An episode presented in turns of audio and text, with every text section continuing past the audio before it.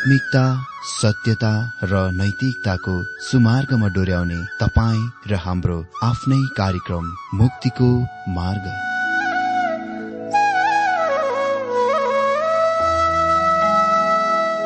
आदरणीय श्रोता यस मुक्तिको मार्ग कार्यक्रममा हार्दिक स्वागत छ। आशा छ यस आत्मिक कार्यक्रमद्वारा जीवनमा आत्मिक आशिष अलौकिक शान्ति र आनन्द प्राप्त गर्नुहुनेछ।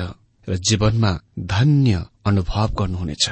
आउनुहोस् श्रोता मन र आत्माको तयारीको लागि यो मिठो अनि मधुर भजन गीत सुनौ।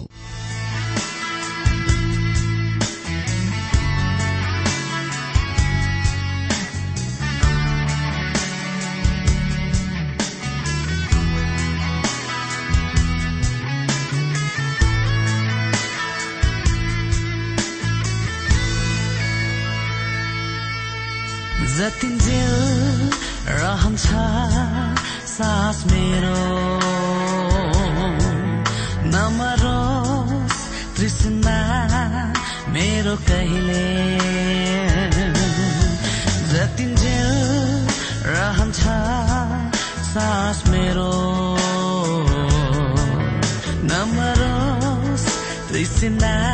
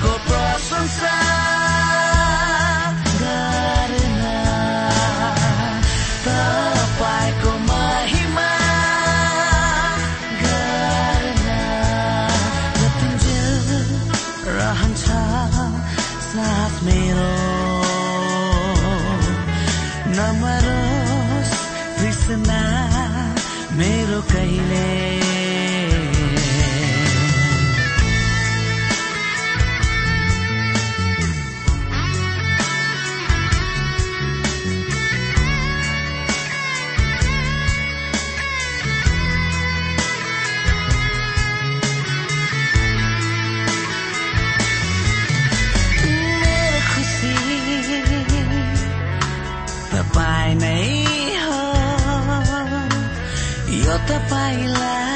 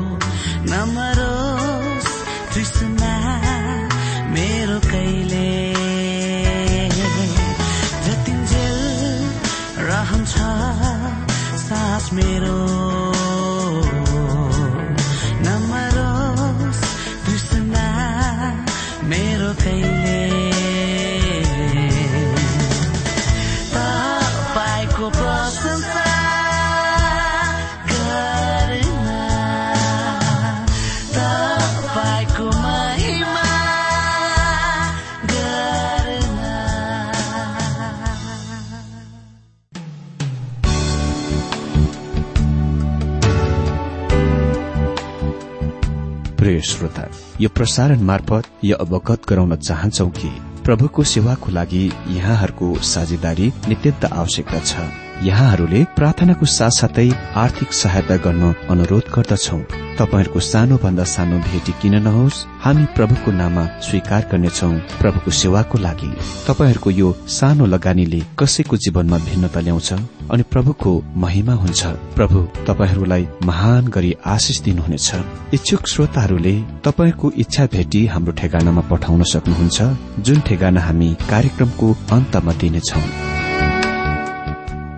प्रिय श्रोता मित्र प्रभु येशु ख्रिष्टको मधुर अनि सामर्थ्य नाममा मेरो जयमसी अनि हार्दिक स्वागत छ आजको यो बाइबल अध्ययन कार्यक्रममा।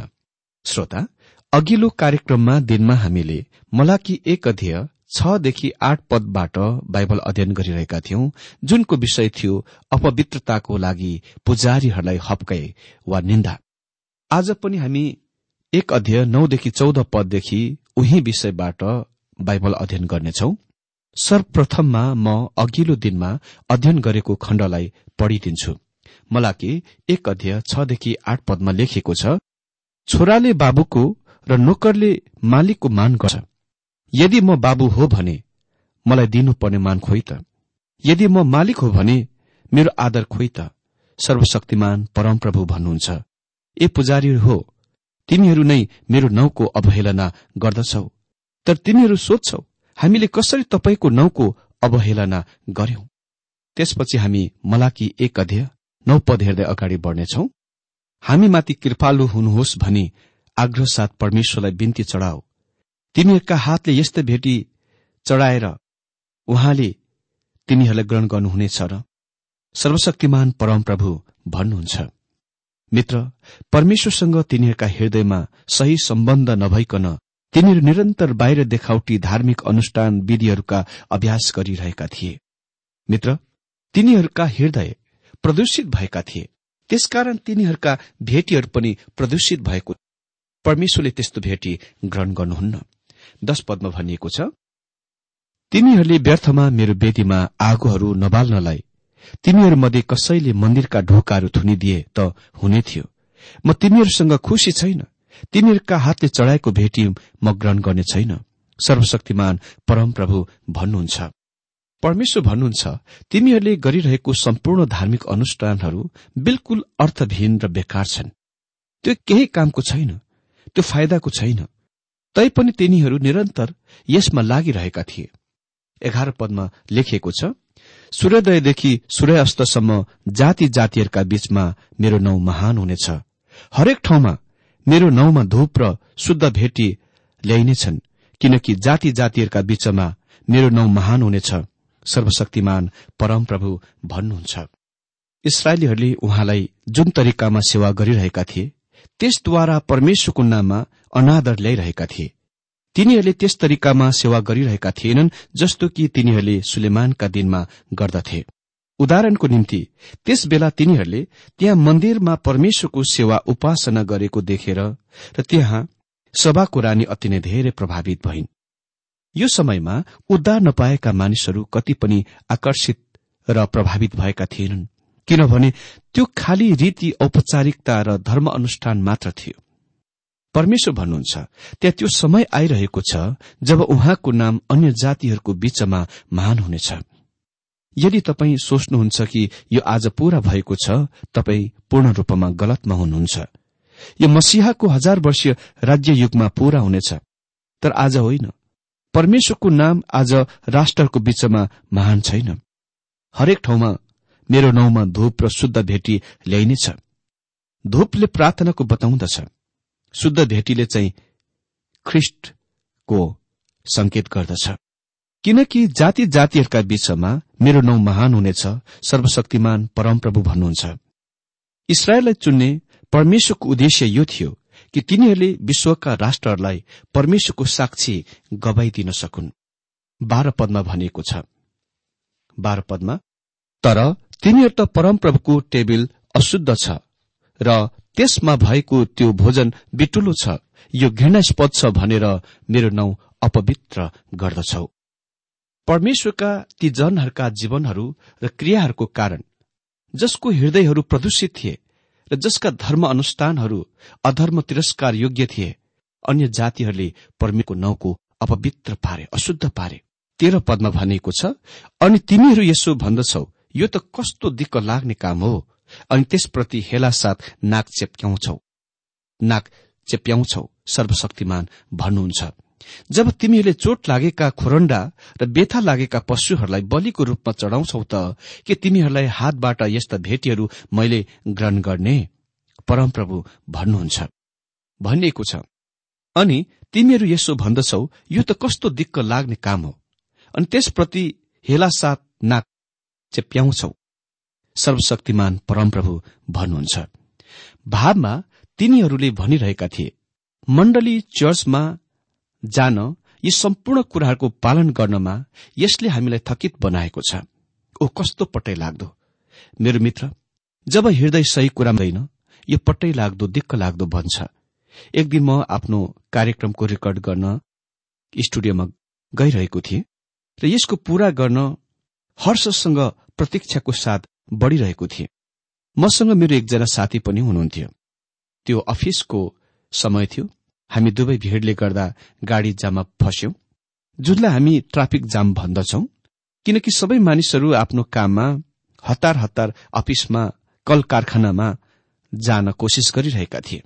अनि जब हामी त्यस गाड़ीहरूको भीड़मा फसिरहेका थियौं मेरो साथीले त्यहाँ भीड़मा फँसेका सबैको अनुहार हेरेर मलाई भने साथी हेर त यी मानिसहरूका अनुहार? तिनीहरू हैरानी मोहडामा देखिन्छन्। तिनीहरूका अनुहारमा आफ्ना कामप्रति अरूचि अप्रसन्नताको सिधै झल्किन्थ्यो। तिनीहरू आफ्ना काममा खाली पेटको लागि र पैसाको लागि मात्र गइरहेका छन्। खाली आफ्नो पेटको लागि भने तिनीहरू खुशीसँग यसको गरिरहेका छैनन्। संसारमा सबभन्दा खराब काम चाहिँ मलाई लाग्छ त्यो काम गर्नु हो जुनको गर्न तपाईँ घृणा गर्नुहुन्छ मन पराउनुहुन्न। किनकि त्यहाँ कुनै आनन्द र हर्ष हुँदैन। अनि चर्च मण्डलीमा जाने कुरा धेरैको निम्ति त्यस्तै पटै लाग्दो दिक्क लाग्दो छ। यही नै कारण हामीले कहिलेकाहीँ यो प्रश्न सोधेको सुन्छौ। मण्डलीमा हामी मानिसहरूलाई रूचि लिने बनाउन हामी के गर्न सक्छौ? के तपाईँले कहिले त्यस्तो छलफल गरेको सुन्नुभएको छ? वा मानिसहरूलाई आराधना सेवामा खिची ल्याउनको निम्ति हामी के गरौं? कसैले राय दिन्छन् खानपान चिया नास्ताको प्रबन्ध गरौं? प्रेम भोज राखौं वा अलिकति बेग्लै खालको सेवा गरौं राखौं। यो सबै पट्टै लाग्दो बाइबल अध्ययनको सट्टामा अलिकति विशेष संगीत राखौं मनोरञ्जनका कार्यक्रम राखौं। यस्ता सुझावहरू हामी सुन्छौं। मेरो मित्र के चाहिँ गडबड छ जब मानिसहरू भनिरहेका छन् कि परमेश्वर तिनीहरूको निम्ति पट्टै लाग्दो बनिरहनु भएको छ? किन तपाईँ सोच्नुहुन्छ कि मानिसहरूले आरम्भ गर्नलाई धार्मिक विधि विधान र अनुष्ठानहरूको अप्नाए। किन तिनीहरूले एक किसिमको अलग्गै वस्त्र लगाउँछन् मन्त्र जप्दै धूप बाल्दै वरिपरि अगाडि बढ्छन्? तिनीहरू आत्मिक आराधनादेखि थाकेका छन् दिक्क भएका छन्। त्यो हो तिनीहरूलाई आफ्नो शरीरलाई आनन्दित पार्न प्रयत्न गरिरहेका छन्। आफ्नो शरीरलाई आनन्द गर्न प्रसन्न पार्न केही कुराको आवश्यक पर्दछ। कसैले भने म व्यवस्थित सेवाको मन पराउँछु। म पनि मन पराउँछु। तर व्यवस्थाको प्रेम गर्ने र मन पराउने काममा खतरा छ। धर्म अनुष्ठानको प्रेम गर्ने कुरामा पनि खतरा छ। म थाहा गर्दछु धार्मिक अनुष्ठानसँग त्यस्तो आफ्नै स्थान छ अनि त्यहाँ धेरै महान प्रभुका जनहरू छन् जो त्यस तरिकाबाट हुर्के बढेका छन्। यदि तपाईँले युरोपमा प्युरिटनहरूको बारेमा कहिले सुन्नु र अध्ययन गर्नुभएको भए तपाईँले थाहा पाउनुहुनेछ। तिनीहरू मुडोका बेन्चहरूमा बसेर घण्टौं सन्देश सुन्थे र तिनीहरू सन्देशको आनन्द भोग गर्दथे। मेरो मित्र जब तपाईँका पास्टरले खालि एक घण्टा मात्र सन्देश प्रचार गरे पनि तपाईँ थकित महसुस गर्नुहुन्छ। म चाहिँ लामो सन्देश दिने प्रचारक हुँ। खालि आधा घण्टा मात्र होइन। समय पाएँ भने घण्टौं सन्देश दिन मन पराउँछु। हजुर सामान्यतया मण्डलीमा मेरो सेविकै लामो हुन्छ अनि मैले यसको बारेमा अधिकांश मानिसहरूले शिकायत गरेको सुनेको छैन। तिनीहरूले सोचेनन् कि त्यो अति नै लामो सन्देश भयो। तर मण्डलीका आत्मिक केही अगुवाहरू भनौदाहरू लामो सस भयो भनेर शिकायत गरेका छन्। हामी धार्मिक अनुष्ठानको मन पराउँछौ। हामी औपचारिकताको गर्न मन पराउँछौ। हामी चर्च मण्डलीमा जान्छौ।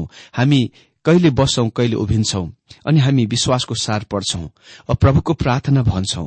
तर वास्तवमा हाम्रा हृदयहरू चाहिँ कहाँ छन्? के हामी यो उहाँको लागि प्रेमको कारण गर्दछौ? के हामी उहाँलाई आराधना गर्न इच्छा गर्दछौ? हामी गाउँछौ सबै थोक दिन्छु म सबै थोक दिन्छु म प्यारो प्रभुलाई। तब किन भेटेको दानमा एक दुई रुपियाँ मात्र हाल्नुहुन्छ त? मित्र मण्डलीको काममा थकित हुन एकदम सजिलो छ। डिएल मोडी एकपल्ट आफ्नो घरमा आए। यद्यपि उनी अति नै धेरै थकित भए तापनि उनी विश्राम नगरिकन अर्को सभामा गइरहेका थिए। उसको परिवारले त्यस मिटिङ सभाको रद्द गर्न अपील गरे किनभने उनी अति नै धेरै थाकेका थिए। तर उसले भने म काममा थकित हुन्छु तर म कहिले कामदेखि थकित हुँदिन। अनि चौध पदमा लेखिएको छ तर यस्तो छल गर्ने श्रापित होस् जसले आफ्नो बगालको ग्रहणयोग्य नर पशु अर्पण गर्नलाई भाकल त गर्छ तर खोट लागेको पशु परमप्रभुलाई चढाउँछ। किनभने म महाराजा हुँ र मेरो नौ जाति जातिहरूका बीचमा भय योग्य हुनेछ सर्वशक्तिमान परमप्रभु भन्नुहुन्छ। भनेको छ किनभने म महाराजा हुँ र मेरो नौ जाति जातिहरूका बीचमा भय योग्य मतलब आदर योग्य हुनेछ। सर्वशक्तिमान परमप्रभु भन्नुहुन्छ। उहाँको नाम कुनै दिन आदर योग्य हुन गइरहेको छ तर यो अहिलेसम्म आदर योग्य भएको छैन। धेरैजनाले यसको घृणा र निन्दा गर्दछन्। मित्र स्पष्ट रूपमा भन्नुपर्दा उहाँको नाममा अनादर ल्याउने एक कुरा चाहिँ विश्वासीहरू र तिनीहरू सेविकै हो जसले यहाँ पृथ्वीमा उहाँको प्रतिनिधित्व गर्दछ। म तिनीहरूका उद्धारको बारेमा प्रश्न गर्दिन। यद्यपि कोही चाहिँ मुखले मात्र विश्वासी हुँ र उद्धारको निश्चयता पाउने नयाँ जन्म पाएका चाहिँ होइनन्। के तपाईँले कहिले यो कुराको ध्यान दिनुभएको छ? कि परमेश्वरले कहिले पनि विश्वासीहरूलाई पाखण्डी नभन्नु भएको तर उहाँले आफ्ना दिनका धार्मिक अगुवाहरूको बारेमा चाहिँ यो भन्नुभयो। उहाँले तिनीहरूको विषयमा अति नै भयानक कुरा भन्नुभयो। उहाँले तिनीहरूलाई सेतु चुनले पोतेका कब्रस्थान वा चिहान भन्नुभयो। के तपाईँ यसको कल्पना गर्न सक्नुहुन्छ? यी मानिसहरूलाई यसरी बोलाउने कुरा अति नै भयानक हो। तर यही नै काममा उहाँले तिनीहरूलाई बोलाउनुभयो। अनि उहाँले तिनीहरूलाई त्यस्तो कुरासँग तुलना गर्नुभयो जुन बाहिर सफा छ त्यस्तो थालसँग तुलना गर्नुभयो जुन बाहिर चाहिँ सफा र सुन्दर छ तर भित्र चाहिँ कहिले पनि नधोएको फोहोर गन्दगी छ। प्रभु येशुले भन्नुभयो त्यो नै पाखण्डिता हो। अनि यही नै मलाकीको दिनमा तिनीहरू थिए। तिनीहरू खालि बाहिर धर्मको औपचारिकतामा मात्र भएर गइरहेका थिए। मित्र यसै प्रसंगमा म एउटा प्रश्न राख्न चाहन्छु। तपाईँसँग धर्म छ वा तपाईँसँग ख्रिस्ट छ? ख्रिस्ट प्रभु तपाईँ साँच्चै नै वास्तविक हुनुहुन्छ वा तपाईँ खालि यसको बाहिर आकृतिमा भएर गइरहनु भएको छ?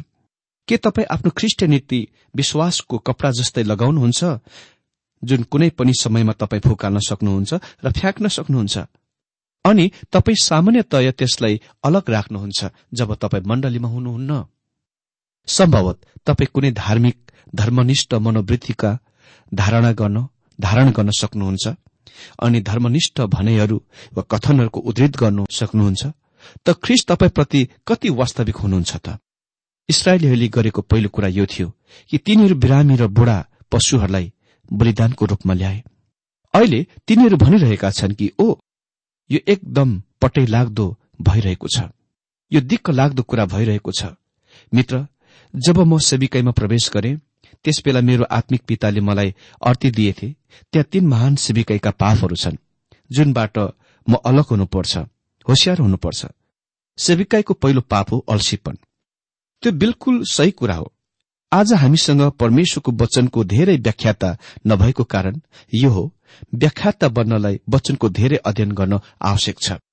आज धेरै पास्टरहरू पूरा हप्ता धेरै व्यस्त रहन्छन्। तिनीहरूसँग परमेश्वरको वचन अध्ययन गर्ने समय हुँदैन। यो निराशको कुरा हो। अनि ती वास्तवमा गहिरो गरेर परमेश्वरको वचनमा अध्ययन गर्न पनि चाहँदैनन्। मित्र अल्सीपना एक महान पाप हो अनि मलाई लाग्दैन कि परमेश्वरले यसको क्षमा याचना दिनुहुन्छ। आज त्यहाँ कोही कोही छन् जो बाइबल कलेजमा अध्ययन गर्ने जाने कामको निन्दा गर्छन्।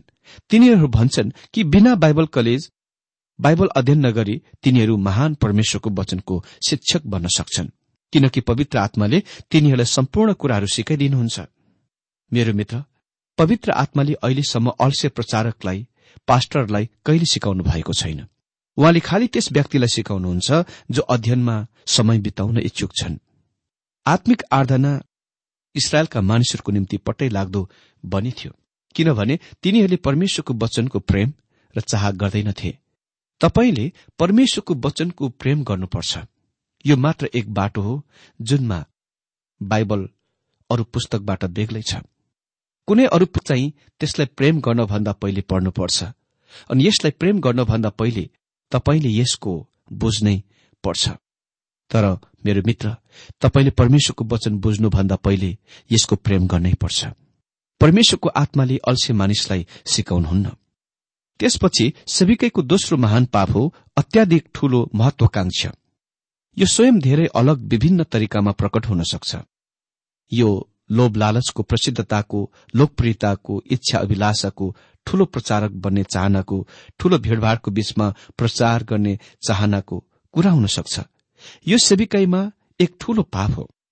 सेविकाईको तेस्रो महान पाप निरस र विरक्त बन्नु।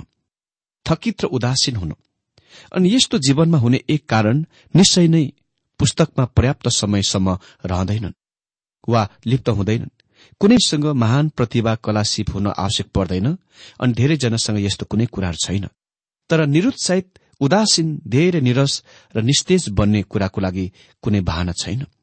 हामीले परमेश्वरको वचनको दिन धेरै समय बिताउनुपर्छ। कुनै पनि प्रचारक जो पुलपिटमा अतयारीको साथ जान्छ उसले प्रभुको नामको अवहेलना गर्दछ। र उसले मानिसलाई यो भन्न विवश गराइरहेको हुन्छ ओ बाइबल अति नै धेरै पटाइ लाग्दो कुरा छ। अनि मण्डली चर्चमा जाने कुरा थकाउने कुरा हो। भन्दा अल्स्य प्रचारक हुने कुरा अर्को सेविकेको महान पाप हो। पद चौधमा भनिएको छ तर यस्तो छल गर्ने श्रापित होस् जसले आफ्नो बगालको ग्रहणयोग्य नर पशु अर्पण गर्नलाई भाकल त गर्छ तर खोट लागेको पशु परमप्रभुलाई चढाउँछ। यहाँ मानिसहरूले गढे त्यस्तो कुरा छ।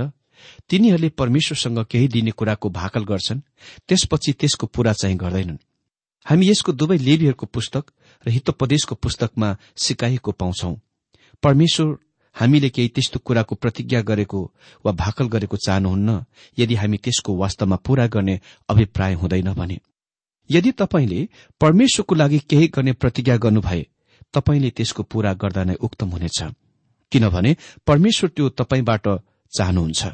उहाँले तपाईँले कुनै भाकल बनाउनु भन्नुहुन्न यो स्वैच्छिक कुरा हो। अनि यदि तपाईँले त्यो भाकल बनाउनुहुन्छ भने यो कुरामा निश्चित हुनुहोस् कि तपाईँ यसको पूरा गर्नुहुन्छ। इसरायलमा त्यस्ता मानिसहरू थिए जसले अति नै ठूला ठूला कुराहरू गरिरहेका थिए। यो भन्दै यो यस्तो देखिन्दछ यस साल हाम्रो अति नै ठूलो खेतीपाती उब्जनी हुन गइरहेको छ। म परमप्रभुलाई खाली दशांश मात्र दिन्न तर उहाँलाई कैचिक भेटी पनि दिन गइरहेको छु। त्यसपछि जब तिनीहरूका फसल अन्न बाली पर्याप्त रूपमा हुन्छ तिनीहरूले काट्ने छाट्ने कुट्ने काम गर्छन् र तिनीहरूले निर्णय गर्छन् कि यो तिनीहरूको आफ्नै निम्ति राख्नेछन्। तिनीहरूले निर्णय गर्छन् कि तिनीहरूले यसको परमप्रभुलाई दिने छैनन्। त्यसको सट्टामा तिनीहरूले भ्रष्ट खोट लुलो लंगडा बिरामी पशु कुहिएका चीजहरू परमप्रभुलाई दिन्छन्। ओ यो कस्तो कुरा यहाँ हामी देख्छौ। चौध पदमा भनिएको छ तर यस्तो छल गर्ने श्रापित होस् जसले आफ्नो बगालको ग्रहणयोग्य नर पशु अर्पण गर्नलाई भाकल त गर्छ तर खोट लागेको पशु परमप्रभुलाई चढाउँछ। किनभने म महाराजा हुँ र मेरो नौ जाति जातिहरूका बीचमा भयो योग्य हुनेछ। सर्वशक्तिमान परमप्रभु भन्नुहुन्छ। ओ मित्र यहाँ हाम्रो निम्ति कस्तो शिक्षा छ?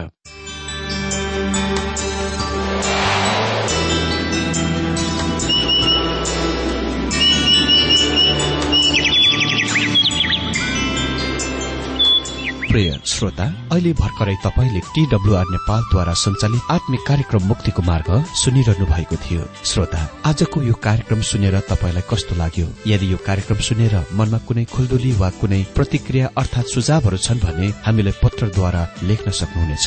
हामी हृदयदेखि नै स्वागत गर्नेछौ स्वीकार गर्नेछौ साथै बाइबल सम्बन्धित प्रचारहरू कार्यक्रम सारणीहरू हामी अनुरोधमा पठाउन सक्छौ। अनि तपाईँसँग कुनै प्रार्थनाको विषय छन् भने हामीले तपाईँको लागि प्रार्थना गरेको चाहनुहुन्छ। भने प्रभुमा आफ्नै परिवार सम्झेर हामीलाई पत्रमा लेख्न सक्नुहुनेछ। तपाईँको लागि हामी प्रभु येशुसँग प्रार्थना गर्नेछौ। अधिक जानकारी र पत्रचारको लागि हाम्रो ठेगाना यस प्रकार छ। कार्यक्रम मुक्तिको मार्ग जीपीओ नम्बर उनानब्बे पचहत्तर एपिसी पच्चिस एकसठी काठमाडौँ। ठेगाना एकपल्ट सुन्नुहोला। कार्यक्रम मुक्तिको मार्ग जीपीओ नम्बर उनानब्बे पचहत्तर एपिसी पच्चिस एकसठी काठमाडौँ। हाम्रो इमेल एड्रेस हो TWR Nepal at Yahoo dot com साथै यस नम्बरमा एसएमएस गर्न सक्नुहुनेछ अन्ठानब्बे चार सत्तरी पैतिस छ सय उनासी नौ आठ चार सात जिरो तीन पाँच छ सात नौ। हुन्छ श्रोता आजलाई हामी विदा चाहन्छौ। अर्को कार्यक्रममा हामी पुनः भेट्नेछौ तबसम्मलाई नमस्कार।